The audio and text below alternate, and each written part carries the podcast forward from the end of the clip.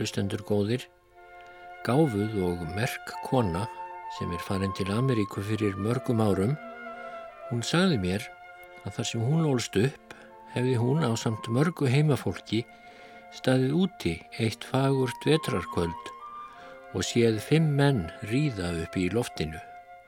Allir ríðu þeir gráum hestum og voru allir í herrklæðum, gráir fyrir járnum, með brugnum sverðum og stemdu til norðurs, til hafs. Allt fólkið var þóttaslegið og hugði þetta vera fyrirbóða stóra tíðinda eða heimsendis.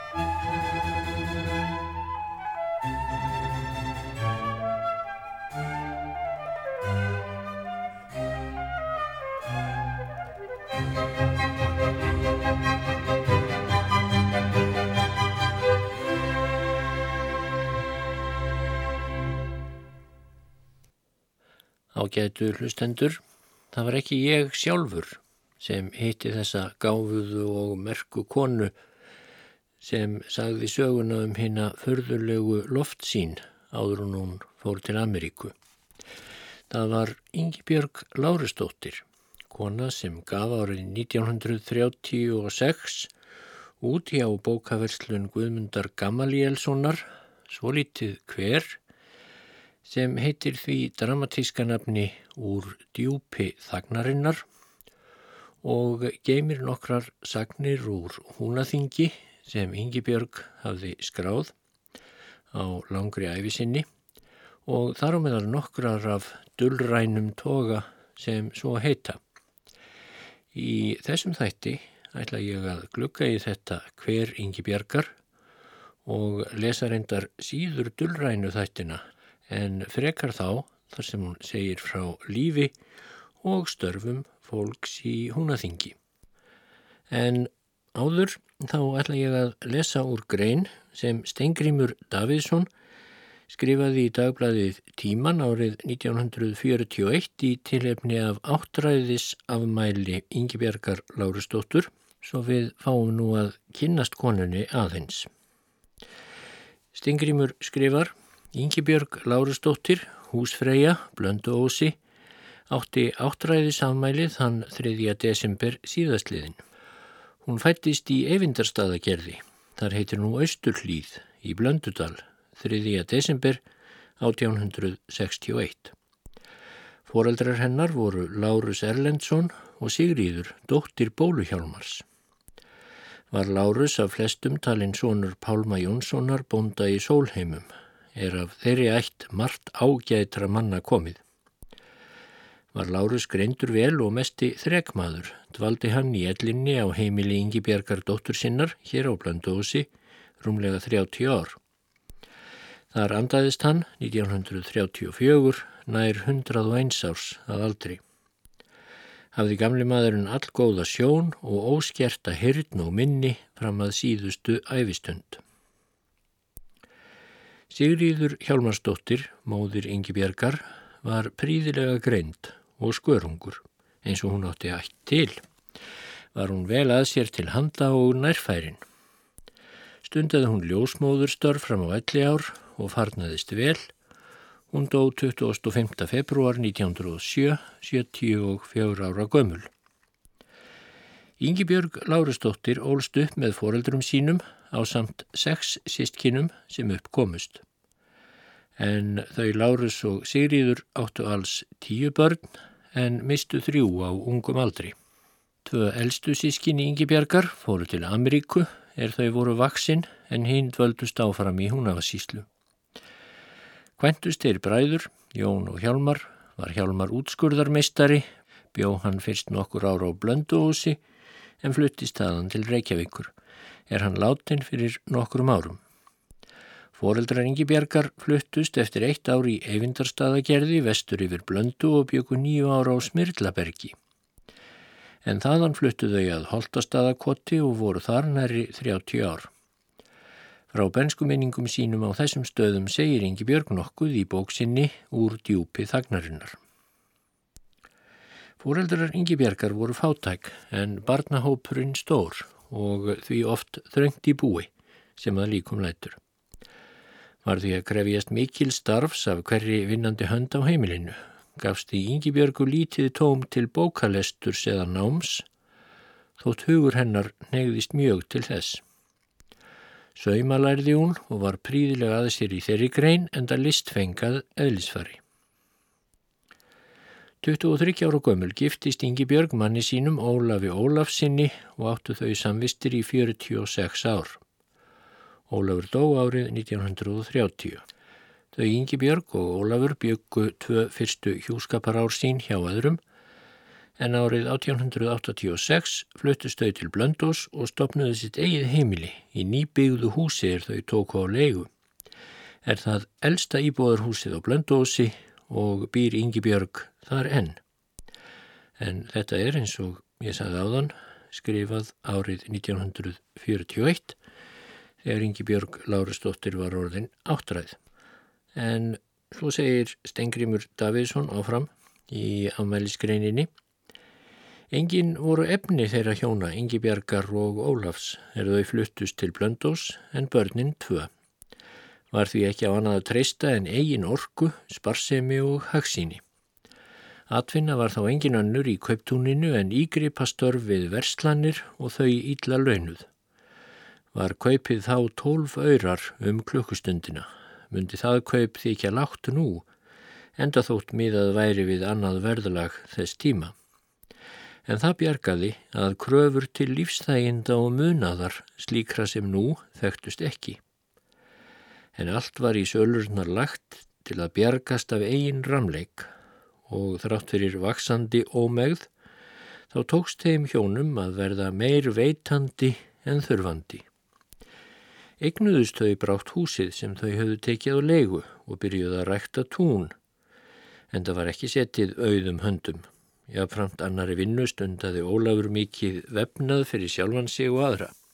En jáframt húsverkunum og batnauppeldinu þá stundaði Ingi Björg saumaskap fyrir nágranna sína var og leita til hennar viðsvegar úr síslunni um líkklæðasöym og kransagerð. Voru kransar hennar gerðir af listfengi og fegurðarsmekk. Hafa þeir því verið látnir skreita hinstu kvílu fjölmarkra látina húnvetninga. Um skeið fjækstu og Yngibjörg við verslun aðarlega á álnaföru. Þau Yngibjörg og Ólafur eignuðust átta börn, komust sjö þeirra til fullorðinsára Það eru Lárus, trésmiður á Blöndósi, til heimilis hjá móður sinni, Jóhanna, gift Páli Bjarnasinni Vélamanni, Alma, gift Þorlefi Jónsinni Verkamanni, báðar búsettar á Blöndósi, Árni, bókaútgefandi í Reykjavík, Runeberg, bondi í Kárdalstungu í Vastal, Sigríður, húsfreyja í Forsæludal, gift Sigfúsi Jónsinni bókbindara. Og Lucinda, sem er heima hjá móður sinni.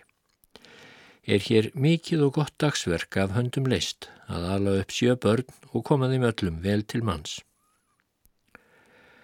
Þegar ég heimsótti Yngibjörgu á afmælistægin og talið barstað efnahag og erfiðleikum liðnatímans, þá sagði hún Ég er nú orðin rík, já mörg og góð börn, það er hennar auður og hún unir glöð við sitt. Börningi bjargar eru samhendum að létta henni byrði ellinnar og gera æfikvöld hennar hlýtt og fagurt. Uppsker hún þannig ávexti móður umhyggjusinnar og erfiðis fyrir ára. Yngibjörg Lárastóttir er vinsælkona og víða þekkt, var gestum og gangandi ætið tekið opnum örmum á heimili hennar og veitt eftir því sem föng voru best til. Var þar gestanauð mikil og er svo enn og margir ferðamenn úr fjarlægum héruðum, sérstaklega skáld og fræðimenn, hafa byggt af þjóðveginum heimi í gamla bæin til að sjá í sveip dóttur dóttur bóluhjálmars og heyra hann að segja frá afa sínum. Eins og áður er að vikið er Ingi Björg príðilega greint og listelsk, hefur hún sérstaklega mikið indi af ljóðum.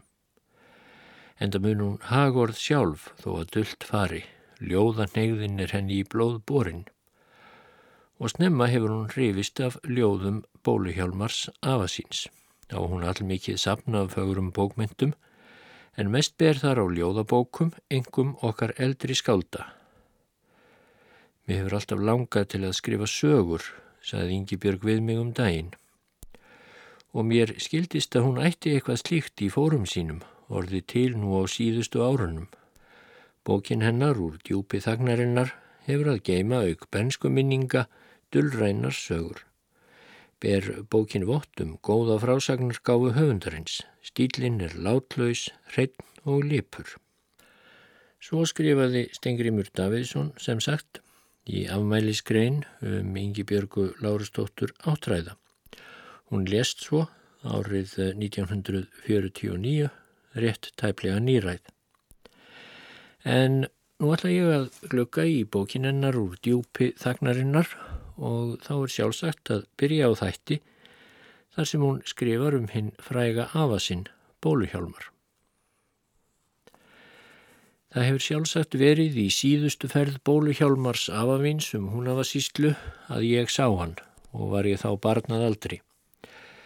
Það var um vor komið undir fráfærur en þó var gróður lítið og kallt enda lág hafís fyrir öllu Norðurlandi svo að skip komist hverki inn á nokkra höfn og til vandraiða horði með kornmat og alla útlenda vöru.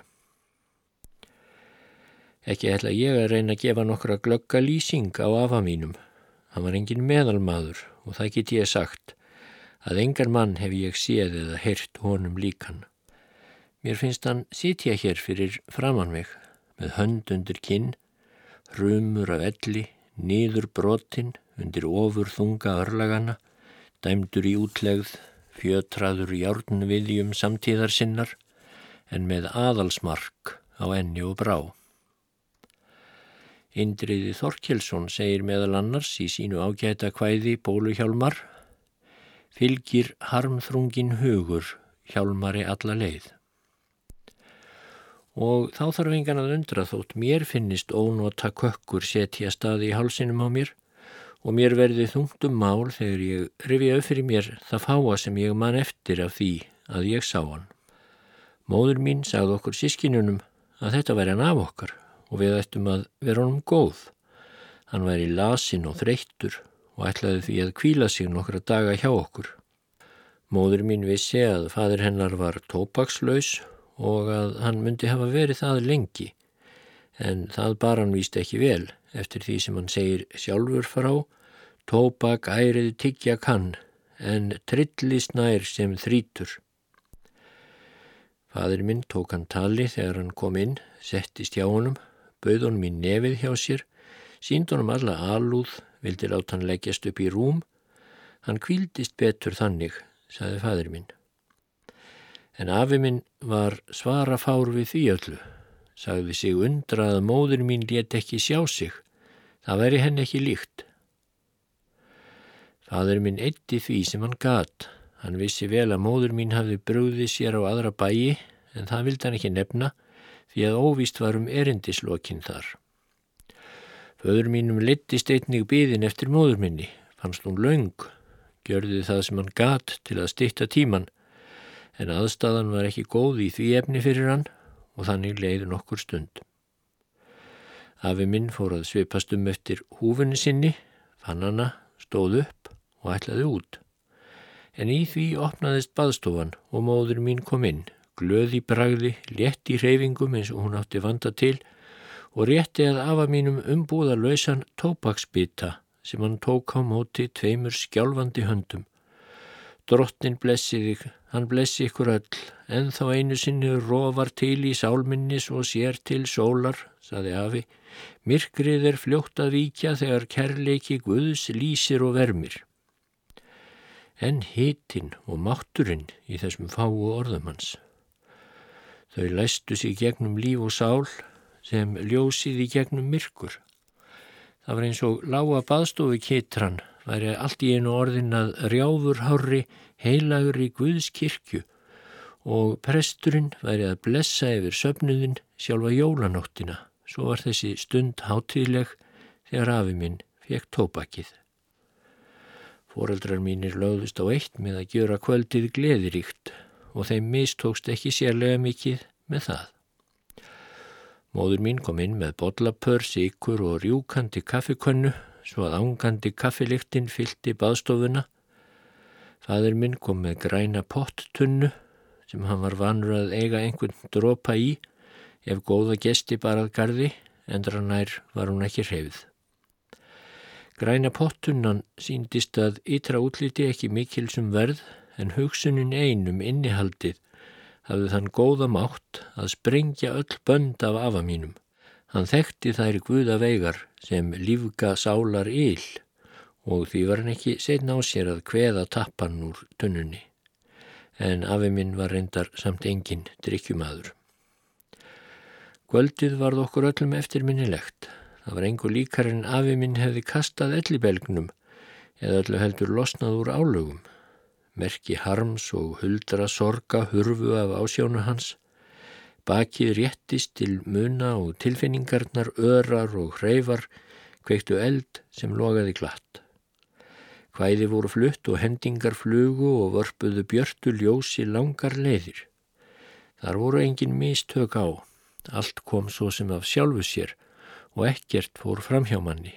Gleðin var sönn. Allar myndir sem afi minn málaði hreinar og skýrar ekki var um að villast. Manni gætt óttið margt í hug þegar ljúfur kvöldblærin guðaði á glukkan hjá okkur og bærði dimgræn stráin aftur og fram.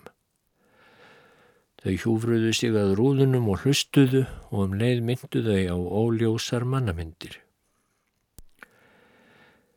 Loks var komin nótt, en máttugir dularfullir töfrar sem enginn gæt losast undan fylltu loftið þegar skáldið í hrifningu hjartans snerti strengi hörpu sinnar svo að ströymflóð tilfinningana braust fram í indislegu ástarkvæði til konunar hans sem hann hafði þá mist fyrir löngu. Henni helgaði hann allar sínar bestu tilfinningar til hinstu stundar.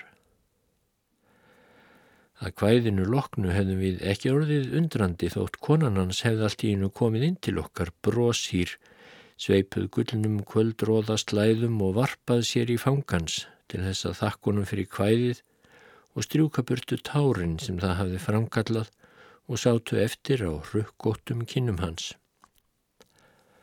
Afi minn var heitur trúmaður og hann fann nálað konu sinnar oft en vísta aldrei skýrar en þetta kvöld. Þetta gullfallega kvæði hans hefur hverki komið fram síðan. Hann hefur eftir vil ekki ætlast til þess heldur. Eitt kvöldið meðan afi stóð við barst talið að gretti ásmundar sinni. Við sátum í rökkrinu. Ég var svo mikið barn að ég held að afi minn hefði verið með gretti í öllum hans svaðilförum, mannraunum og útlegð. Svo sagði hann skýrt frá öllu og með svo mikill í samúð að engum gatt blandast hugur um að hann skildi vel hvaða var að vera gríðalöys útlægi öllum heillum horfin. En mér fór ekki að lítast á blikuna þegar hann lísti falli berserkjana í stokkabúrinu hjá Þorfinni Hersi. Það var róðalegt. Eða vetrarkvöldunum í Drángei, þessari eiði ei þar sem eld og ljós vantaði en grenjandi stórriðar og ofsa brím lamdi utan klettana eins og það myndi þá og þegar miljað á sundur. Slíkum kvöldum gleymir maður aldrei. Ég flýtti mér í dauðans ofbóði upp fyrir móður mína. Mér fannst baðstofan vera farin að hristast og skjálfa undan lýsingum afa míns og brímsógin berast inn til okkar. Afi minn satt um stund og þagði eftir að hafa lokið sögunni, ekkert rauf þögnina. Lóksagðan látt við sjálfan sig, það eru fáir vinir þess snöyða, til þess finn ég oft, sagðan svo nokkur og herra, ekki síst þegar nóttin, heldim og miskunarlaus, sest að sálminni og tekur mig heljar tökum svo að mér kemur ekki dúra á auga. Þetta er mér þá eitthvað það í hug sem friðar skapið, aðeins um stund, þá hef ég hjá mér krítarmóla, um kerti skar er ekki að tala og skrifa á þær fáu fjallir sem enn hanga uppi fyrir fúa ofan við rúmið mitt. Oftast kemst ég nokkur nögin fram úr því að morgni hvað ég hef skrifað. Eftir að afi minn var farin var hann okkur óþrótlegt umtalsefni. Ég harma þá nú hversu ung ég var og hversu fátt ég mana því sem hann sáð okkur. En móður okkar sáð okkur margt til skýringar því sem þau afi höfðu talað um. Eitt af því var þetta hér og þetta er skrifað í nafni hennar. Árið 1845 voru fóreldrar mínir fluttir að minniökrum í Blöndulíð. Kom þá víða upp í skagafyrði taugaveiki svo að fólk vektist unvörpum. Veikin barstað minniökrum við sístkinin síktum stöll og móður mín síðast. Var hún þá íst orðin andlega og líkamlega uppgefin Hún komst aldrei á fætur aftur. En fadur minn, Hjálmar, var einn uppistandandi til að hugsa um allt og má næri geta að Marta því hefur orðið í mólum. Gjörðan þó allt sem í hans valdi stóð því að hverki var hjálpað fá. Það mátti svo heita að fadur minn vekti nótt og dag. Þetta var snemma í júni en hinn 24. júni bráði dálitið af móður minni svo að hún gætt talað við föður minn. Hún baðan að bera til sín börnin, sagði að sig langaði mikið til að fá að sjá þau. Hún gætt fátt talað við okkur en hún syngd okkur öll. Það var hún vonað að gjöra þegar hún ætlaði að fara eitthvað langt í burt frá okkur. Ég skildi það þá að nú væri hún að kveði okkur í síðasta sinn. Fadir okkar flutt okkur í rúmin aftur og bað okkur að vera róleg Þegar hann kom að rúminu hennar aftur var hún dáin. Hann kröyp á knefið rúmstokkin, tók um báðar hendur hennar, baðst fyrir og grétt. Ég leiði hjá mér að lýsa þeirri nótt sem þá fór í hönd. En eftir þá nótt var fadur minn aldrei sami maður og hann hafði áður verið. Svo saði mér móður mín, en mörgum árum síðar fluttust þrjár konur norðan úr Skagafyrði vestur í Langadalinn. Einn þeirra hétt Rannveig Sigurðardóttir, hjá henni dó hjálmar afi minn. Hún saði mér margar sögur af nágrannum hans þegar hann var í bólu og það er ekki allar sem fallegastar. Ég hafði ætlað mér að bregða upp lítilli mynd af því en ég sé að það er þýðingar lítið, eitt útaf fyrir sig Þótt sumt að því erði þeim hjónum helst til örlaga ríkt og græfi ræturnar undan allir þeirra framtíðar ánæju og farsæld. Dr. Jón Þorkjelsson lísti mörgu af því með samúð og skilningi svo að það gerur ekki aðrir betur. Ég á þar eftir handtak að þakka doktor Jóni fyrir öllin velvöldu og hlýju orðum afa minn þegar við hittumst á ströndinni hínum einn hafsins.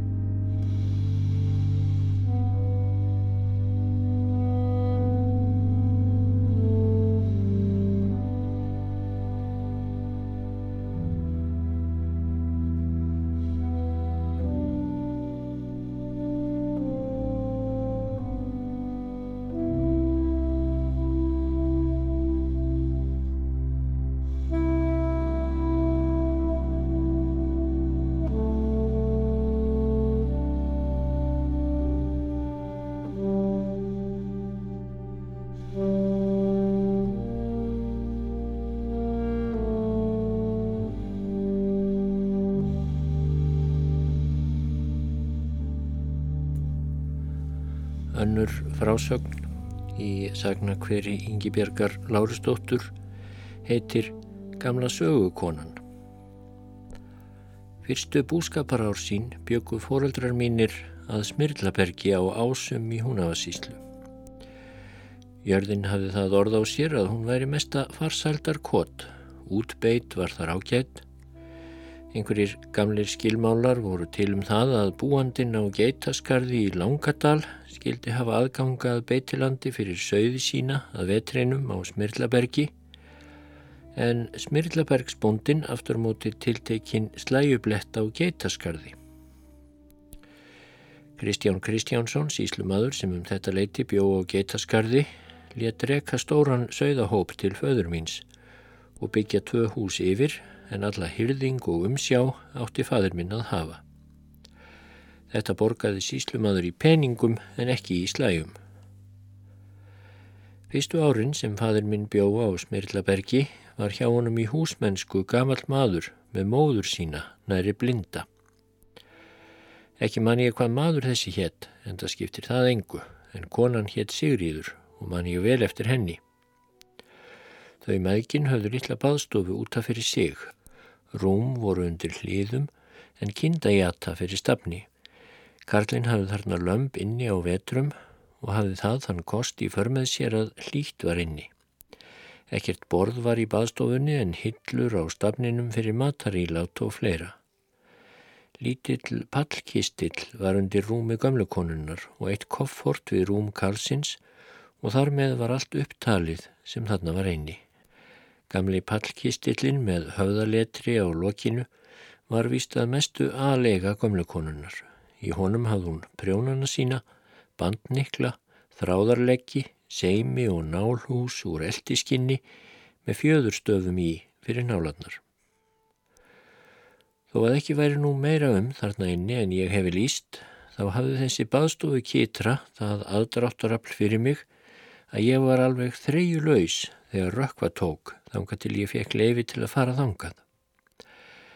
Gamla konan var þá búin að öllum niðri verkum og sest upp í rúm með prjónana sína og ábreyðuna sína ofan á sig. Karlinn var líka lagstur út af og farin að fljóta. Þá var síður að sofa í rökkrinu. Lömpin lágu og jórtröðu, reyfiðu sig ekki þó ég smegði mér á millið þeirra. Ég var nú heldur ekki fyrirferðar mikil, fimm ára gömul og smávaksinn. Með mestu hægð dró ég kistilinn fram undan rúminu og settist á hann og beð þess að gamla konan tæki eftir mér. Þú ert á komin, litla skinnið, sá hún loks. Svo byrjaði hún að segja mér sögu því hún vissi vel til hvers ég var komin. Gamla konan kunni öll feikn af sögum og glemdi sjálf tímanum þegar hún fór að segja frá. Hún trúði sögunum sínum flestum en það hafði hún margt heyrt og séð og reynd um dagana sem öðrum þótt ekki allt trúlegt. Hún kunni sögur af öllum hlutum, dauðum og lifandi, millir heimins og jarðar, úr undir djúpunum og himnaríki, þaðan sáðun mér margt, allt var henni jafn kunnugt, einnig furðulegustu kynja og draugasögur. Af engu vildi ég missa, þótt ég titraði á hræðslu og leti aftur augun svo ég sæ ekki þótt eitthvað slættist inn. Ég held mér dauðahaldi í ábreyðuna eða handlegg gömlekonunnar en frá þessu mátti ég engum segja því þá hefði ég ekki fengið að hlusta á sögurnar hennar framar og til þess mátti ég ekki hugsa ógrátandi. Hún saði mér sögur af dvergum sem byggu í hverjum stein og hól, þeir voru mestu listamenn heimsins. Svo komu sagnir um huldufólkið, það voru sögur eftir mínu skapi, ég tók þær fram yfir allt annað og fór glöð með henni í álfheima. Þar vantaði ekki ljós. Manni byrti fyrir augum að sjá allar þær ljósa raðir eins og í kirkju. Þessi heilögu ljós, kertin, loguðu eins glatt og þau stæðu á há alltari þegar aftansöngur var haldinn á jólanótt. Hjá álfum var nýjársnótt svo háttíðinn sem þeir sáust oftast í hýpilum manna Þeir komi í gullsaumuðum föttum, svifu um skrautlega sali, báru mat á borð og breyttu niður dúka. Það ángaði líktinn af öllum þeim indælu réttum sem fram voru borðnir, gullborðarlagðir embættismenn drukku freyðandi vín úr gullbúnum hornum og allt leki lindi. En þegar vínið fóruð að hafa sín áhrif, þá lek allt á reyði skjálfi af söng og dansi því þetta var álvadans á nýjársnótt. Stundum kom það fyrir að smali sem var að villast í hríðarmuggu og gamlárskvöld heyrði óminn af öllum þessum gleðilátum og var það þá ekki dæmalust, saði mér gamla konan, að klettur eða hull opnaðist og smalin væri hildur þar inn og sæist aldrei í mannheimum framar. Þannig voru gamlega þjóðsögurnar, löngum ljósberi, dimmu vetrar kvöldin. Þeir sem höfðu tamið sér þá list eins og þessi gamla kona að segja vel sögur og æfintýri urðu svo magnaðir að þeir gáttu gefið öðrum sín og kveikt það ljós sem lísti gegnum holt og hæðir og blágrítis klettin þeir gáttu látið hítaströyma fylla hverja sál svo að kuldin og myrkrið og allir rakningar í heiminum flýðu.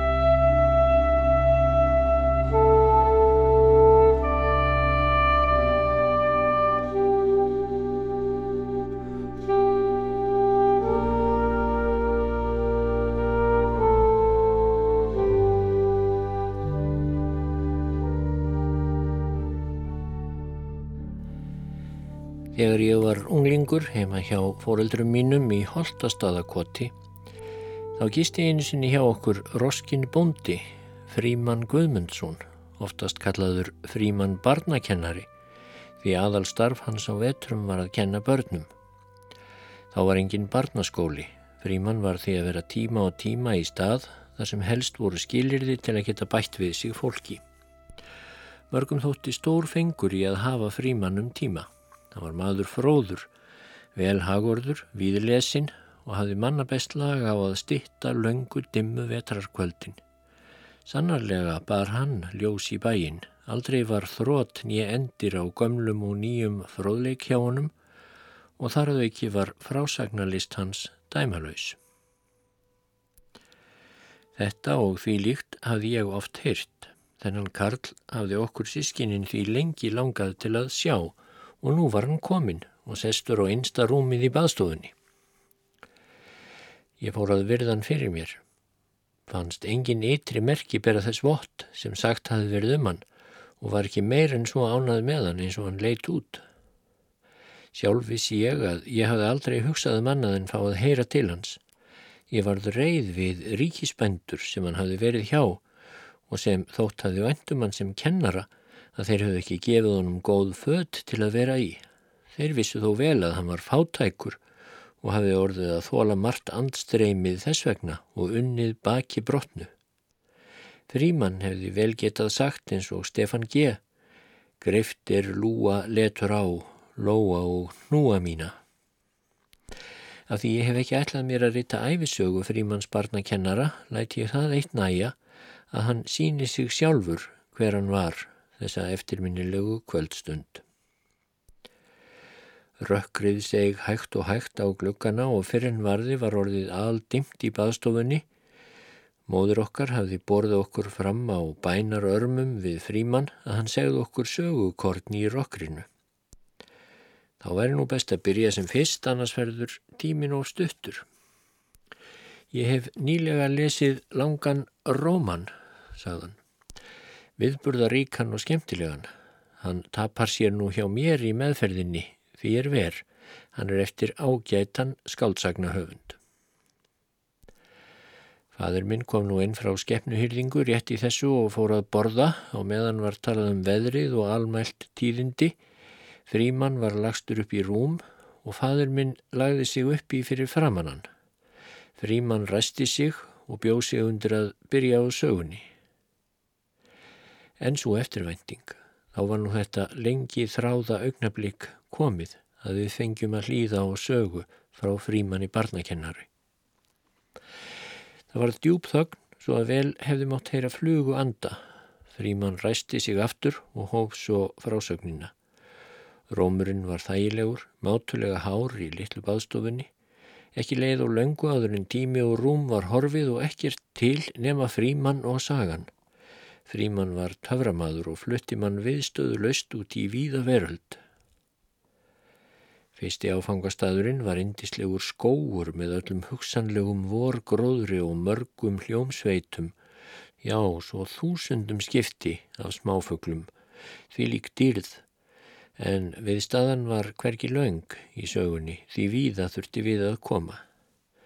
Þannig voru liðnir einir tveir klukkutímar þegar hundarnir þutu upp fram í göngum, skelltu hurðum og geltu ákaft. Það var í þeim gestarhljóð hafði eflaust verið barið að dyrum þótt enginn tæki eftir því. Við fórum öll að hlusta og heyrðum nú glögt að barinn voru þrjú högga á útitira hörð. Okkur varð ítla við þennan gest, hver sem hann var, vildum helst ekki að bærin væri opnaður. Samt voru bræður mínir fram. Maður af næsta bæ var kominn, vildi finna föður minn. Erindið var að spyrja eftir kindum sem hann vantaði. Það er sjálfsagt að bjóða manninu minn, saði fadur minn, Þið verðið að kveikja og hýta kaffisopa. Frímanni veitir nú heldur ekki af að fá einhverja hressingu, hvað sem öðrum líður. Gesturinn kom og sagði frá einum eða fleiri skipstöpum sem höfðu orðið þá rétt nýlega á Skagaströnd. Hann sagði hverjir formenn og hásettar hefðu verið á bátunum, lísti veðrinu daginn sem þeir fórust, lísti því náið að mönnum hefði valla þótt að eðlilegt að bátar hefði ekki geta náð landi síðar hluta dagsins því þá hefði svo mikið lægt sjóin þó þætti það enn undarlegast að ekkert hefði sést síðan hvorki menn bátar nýja veidarfæri. Af einhverjum ástæðum laði fríman ekki eitt orð til þessara mála. Hann var þó gagn kunnugur á skagaströnd, þar átt hann heimili. En þegar gesturinn var farin, þá stóð fríman upp og gekk út. Við heyrðum hann loka bænum og eftir sér.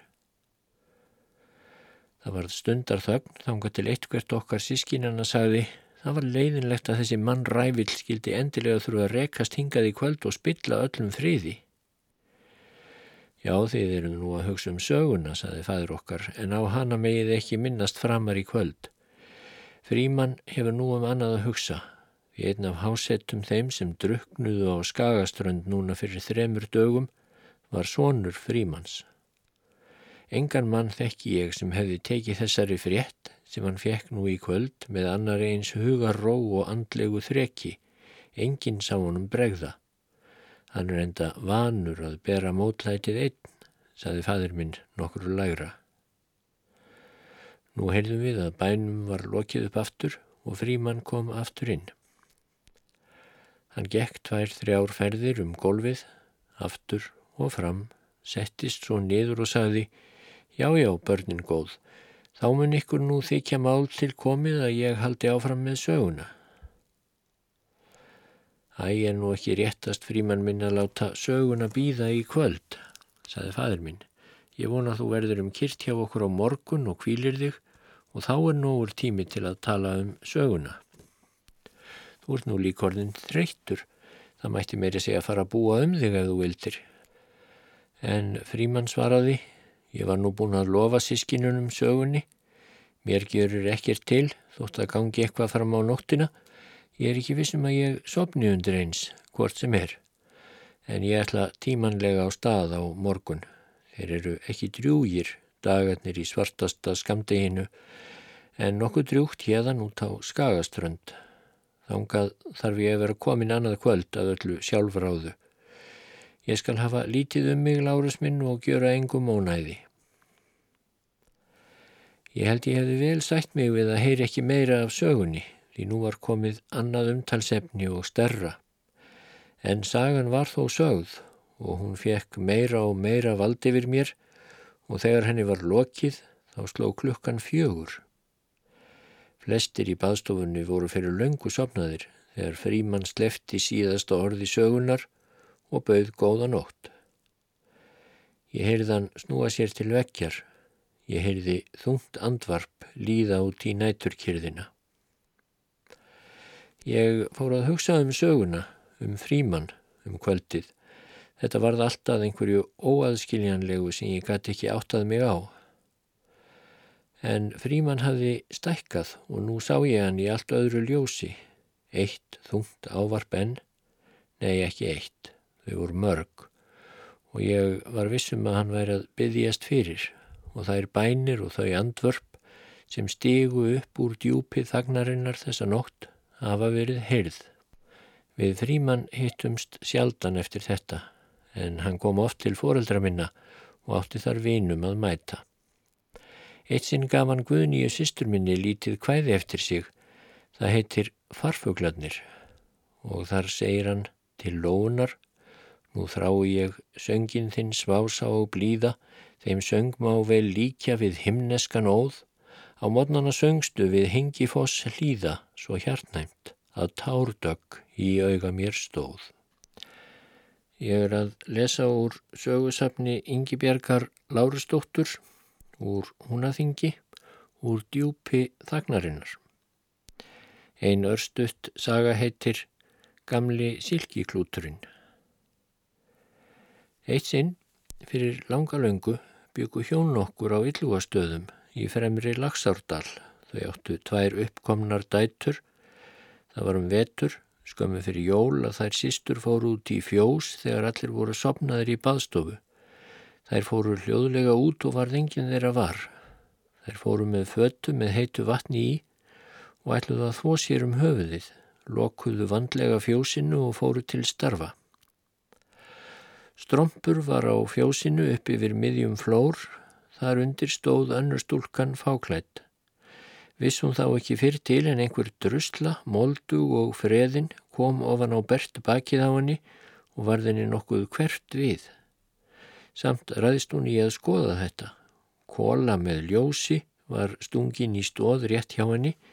Sér hún að þetta er samanbrotinn blá dröfnóttur silkiklútur með rósabekk en ekki verður henni sama þegar hún flettir honum sundur, þekkir hún að þetta er sami klúturinn sem móður hennar hafði átt í 50 ár og hafði fyrir meira en ári nýtt um hálsin á manninum sínum, um leið og hann var kistulagður.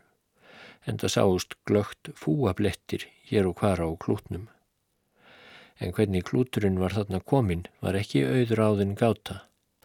Að Karlinn, fadir þeirra, hefði ferð að stöylast með hann í versta færi dáin fyrir meira en ári, það þótti þeim ekki líklegt og þá ekki öðrum heldur. En lengi var klútur þessi hafður til sínis og er ef til vil enn, um það eru engar sagnir. Og efis nú einhverjum söguna þá skal þess getið að dóttir annarar þessara stúlkna sagði mér sögu þessa sjálf þá orðin 70 ára gömul.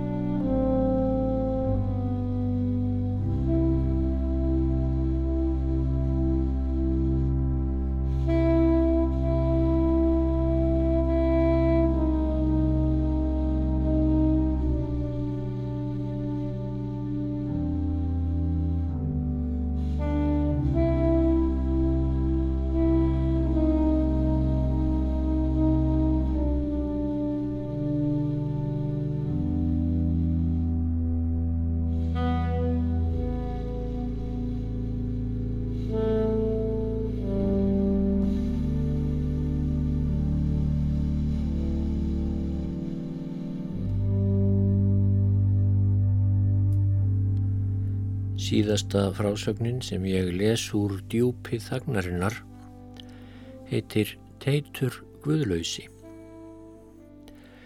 Það var þorradag nokkur um eða skömmu eftir miðja 19. öld að sögðamenn á stóra vaskarði letu inn sögði sína og byrðu vel húsin því að grimdar frost hafi verið um daginn og skafrýð nokkur.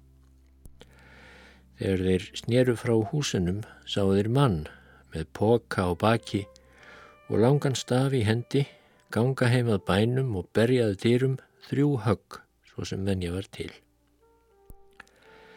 Ekki báruður neitin kennsla á mannin en sáu að hann var tötralega til fara.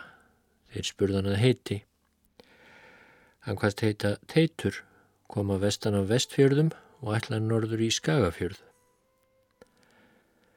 En nú langar mig ekki til að þurfa lengra í kvöld, sagðan, ef ég ætti þess nokkun kost að fá að liggja hér inni í nótt.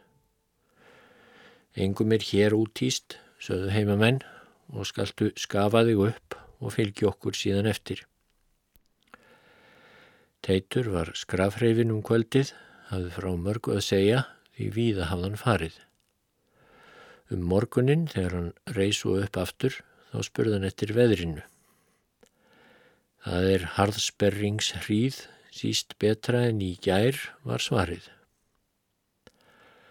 Ekki verður það notalegt fyrir fáklætta að vera á ferðin í dag. Þetta saði teitur látt við sjálfan sig og dró skýrtuna sína undan kottanum hjá sér. Því þá var síður margra að ber hátta upp í rúm. Um stund handlékan skýrtuna, breytti úr henni á rúmið og líktist hún þá frekar stórriðinu neti en skýrtu. Já, ekki er það álitlegt fyrir mig, saðan. Svo tók hann í skýrtuna, hjælt henni á lofti og sagði í fullum rómi, sjáðu nú skýrtuna mína, drottin minn, finnst þér í alvöru að ég geti farið út í hríðina og gattin svona klæðalaus og skjálfandi? Nokkur síðar kom stúlka frá næsta bæ og spurði eftir teiti. Hún var með stóran böggul. Eitt af því sem var í böglinum var ný vaðmálsskyrta. Eins og allir geta skilið hefur svo skyrta komið í góðar þarfir. Ekki hef ég getað haft upp á neinum fleiri sögum af þessum teiti. Það er ekki sporrækt lengur um þessar slóðir, þessa tíma. Það fennir fljótt í spór förumannsins.